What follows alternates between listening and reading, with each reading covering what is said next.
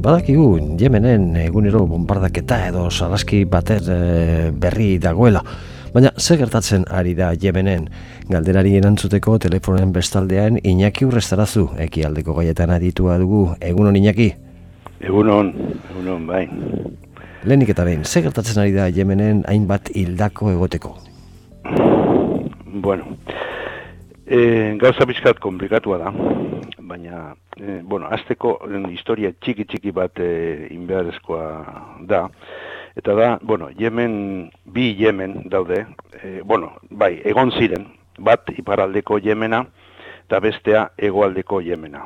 E, iparaldeko Yemen hori horretan utiak eta abar izan dute beti piso handia, eta mila beratzinon da irurogita zazpian, en feudal kontrako alako iraultza bat egin zen, non e, feudalen aldeat etorri ziren Arabia Saudita eta imperialismoko zera guztiak.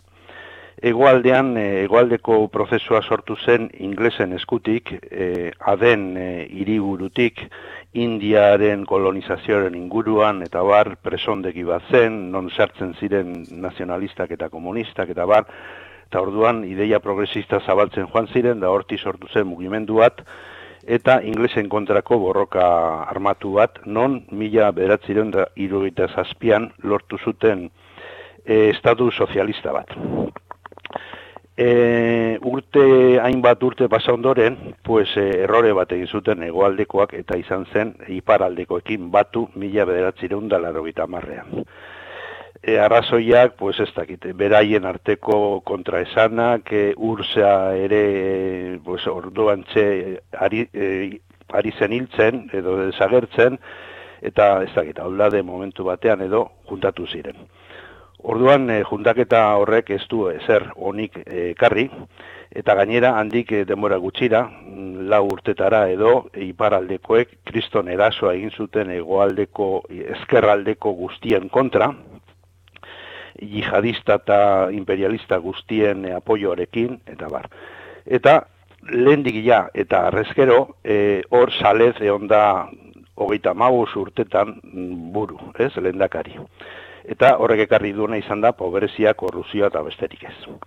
Orduan, 2000 eta amaika garren urtean, pues, eh, hainbeste korruzioa eta pobrezia eta gertagaira txarren ondoren, ba, mugimendu, protesta mugimendu handi bat sortu zen, e, bi adar nagusiekin. Alde batetik iparaldeko utiak txiitak direnak, beti baztertuak izan direnak historian zehar, eta e, eskatzen zutenak ba, parte hartzea estaduan, bere kultua respetatzea, e, berdintasuna eukitzea ego aldekoekin eta besteekin, eta bar. Eta gero, egoaldeko, egoaldean zegoen e, mugimendu, egoaldeko mugimendu, izeneko mugimendu bat, herri mugimendua, mm, bastante lehen egondako e, Yemen, egoaldeko Yemen sozialista horrekin zer ikusia handia zuena, eta tal. Orduan hor hasi zen borrokan, e, salez honen kontra, da azkenean, e, bueno, pues, lortu zuten e, kentzea. Dena den, hor atzetik, sale den atzetik beti hon izan dena da imperialismoa eta Arabia Saudita. Arabia Saudita manejatu du beti Yemen goiti bera urta askotan zehar. Eta orduan mm, ikusirik gauzak txarto jartzen ari zirela, bortzatu egin zuten Arabia Saudita berak, kentzera e, zera hori, e, salez hori. Eta jarri zuten bere segidakoa, bere ordekoa, e, jadi izenekoa. Orduan, prinsipioz, egin nahi zutena zen, pues, beste prozesu konstituyente berri bat sortu, eta bar, eta bar, ipar, eta egualdean, eta bar. Baina, zer getatu zen, ba, e, ja, mm, Arabiar Sauditen interesen hildotik e, joan zirela aldaketak edo sasi aldaketak, e, besteak beste, pues, planteatu zutena zen, e, Yemen sei erregiotan banatzea, eta orduan ordura arte, pues basikoki Yemen zegoen ipar eta ego arteko ba, bi kultura eta bi realitate hoietan manatuta eta e, jende gehiena utiak eta hegoaldeko mugimendua eta bar kontratera zen. Da ejertzitoko parte handi bat ere bai.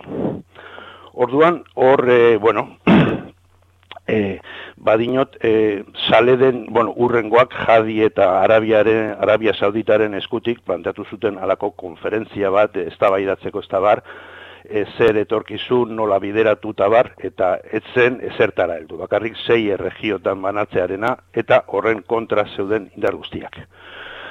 E, hor Hildo horretatik, e, utiak sei gerra izan ondoren, sale den kontra, beraz oso mm, oituak zeuden gerratan, e, bueno, pues, e, izan zuten alako asalto bat edo e, iriburura, sanara. 2000 eta amalauko irailean.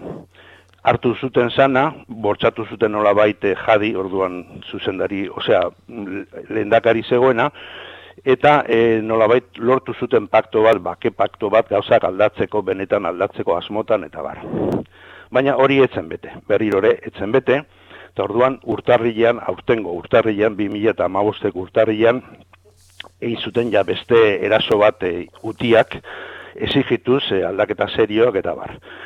Eta proposamen batzuk egiten zituzten, pues nola e, jarri lehendakaritza ordez, ba, bos personako konseilu bat, e, konstituzio berri bat, hauteskunde berriak, e, asam, e, lege biltzar berri bat e, provisionala, e, hauteskundeak egin baino lehenago iraun zezan, eta bar. Eta orduan, bueno, ados jarri ziren utiekin beste bederatzi edo amar talde politiko, besteak beste, ego aldeko mugimendu horretakoak. Ados jarri zirenak izan ziren, pues, alkaeda aldekoak, e, sunita radikalak, e, anaia musulmanak, e, ejerzitoko sektore txiki batzuk, Arabiar Sauditako eskutik zeuden e, indar batzuk, e, feudalen ingurukoak, tribu feudalista batzuk ere, eta horrela. Orduan, bueno, hor e, desadostasun horren ondoren, ba, gerra sortu zen, eta orduan, e, bueno, pues, e, sale den eta e, jadiren kontra zeuden indaroiek soberanistak direnak, pues, borrokatzen hasi ziren da egoaldera aurreratzen hasi ziren. Orduan, horren aurrean, da ikusirik, ba, zalantzan edo e, arriskuan jartzen zela e, zera e, Yemenen egoera, Arabia Saudita hasi zen, bueno, e, koalizio bat montatu zuen, hainbat herrirekin, Turkia, Jordania, Marruekos, Egipto, Pakistan, eta atzetik estatu batuak, eta Frantzia, eta barrez orduan koalizio bat montatu zuten eta hasi ziren bombardatzen. Da, badaramate bombardatzen, ba, sortzi jabete, e, nolabait, ba, indar progresista eta subiranista hauek matxakatu nahien, eta atzera erazi nahian, eta barez, eta bombardaketa horretan ez dute zer kontutan hartu, e, zibilak, zein ospitaleak, eskolak, azpiegiturak, e, blokeo elikadura eta botika blokeok egin dituzte, eta mm, borroka mm, basati honetan bos mila hildako eta hogei mila zauritu e, egon dira eta daude. Dena den, e, naiz eta bombardak eta kristolakoak izan, pues, e, utiak eta egoaldeko mugimendu horrek aurrera doa eta mantendu egiten ditu bere posizioak eta besteak ezin izan dute oraindik ezer lortu. Gainera, e, aurrera joateko, pues, ari dira mercenaria kontratatzen, e, Kolombiakoak, Eritreakoak, Sudanekoak, ekarri dituzte Turkiaren eskutik, egazinetak ISISeko, osea, emirato, ISISen emiratotik e, bosteun bat militante edo, ba, borrokatzeko zubirano, zubirano tasunaren e, aldekoen kontra, eta barrez.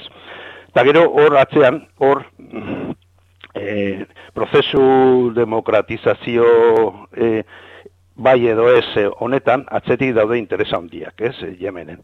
Batez ere, imperialismoaren aldetik, e, estatu batuen aldetik. Hor daude, alde batetik, ab, e, el mandef izeneko hor pasadizo bat dago oso importantea, e, petrolioa parte handi bat horti pasatzen da, e, e, e, nola da, este itxaso gorria eta kanal de Suezen aldetik e, Arabiatik eta fin petrolioko toki guneetatik ekarri eta horti pasatzen da parte handi bat, parte importante bat, bai?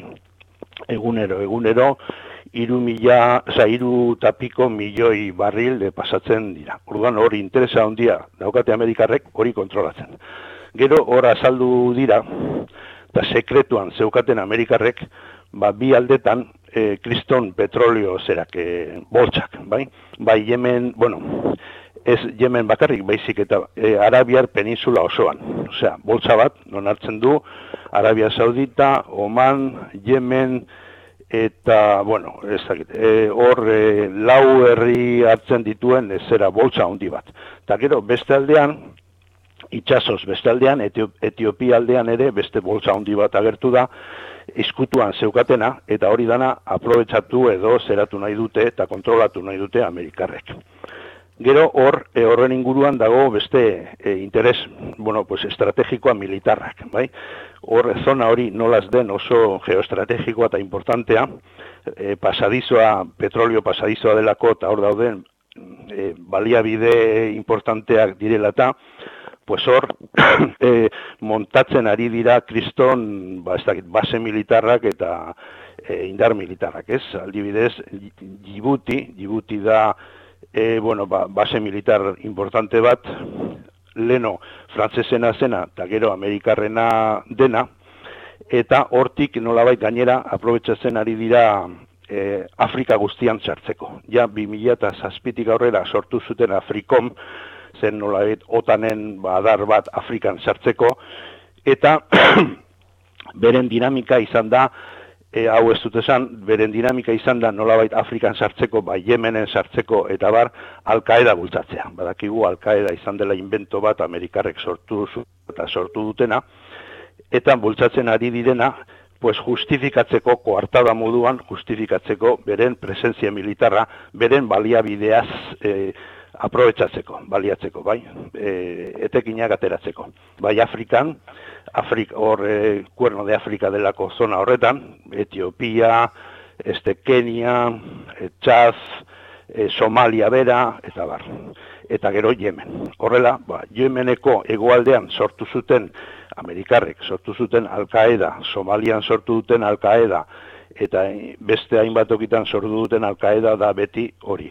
Norabaiko hartada bat, hor muturra sartzeko, militarki sartzeko, beren baliabideak eta beren aberastasunak e, kontrolatzeko eta herriak menperatzeko.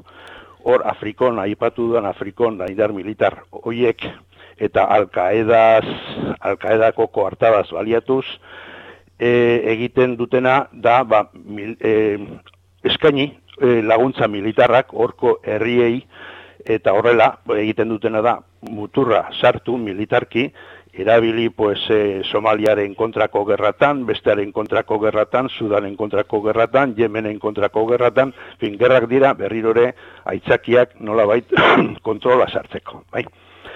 Iñaki Urestarazu. Hori da, bai. Iñaki Urestarazu ekialdeko gaietan aditua. Mil esker eh, zure azalperen gatik eta zure kolaborazioa gatik eta urrengo arte. Vale, zuei, mil esker. Agur.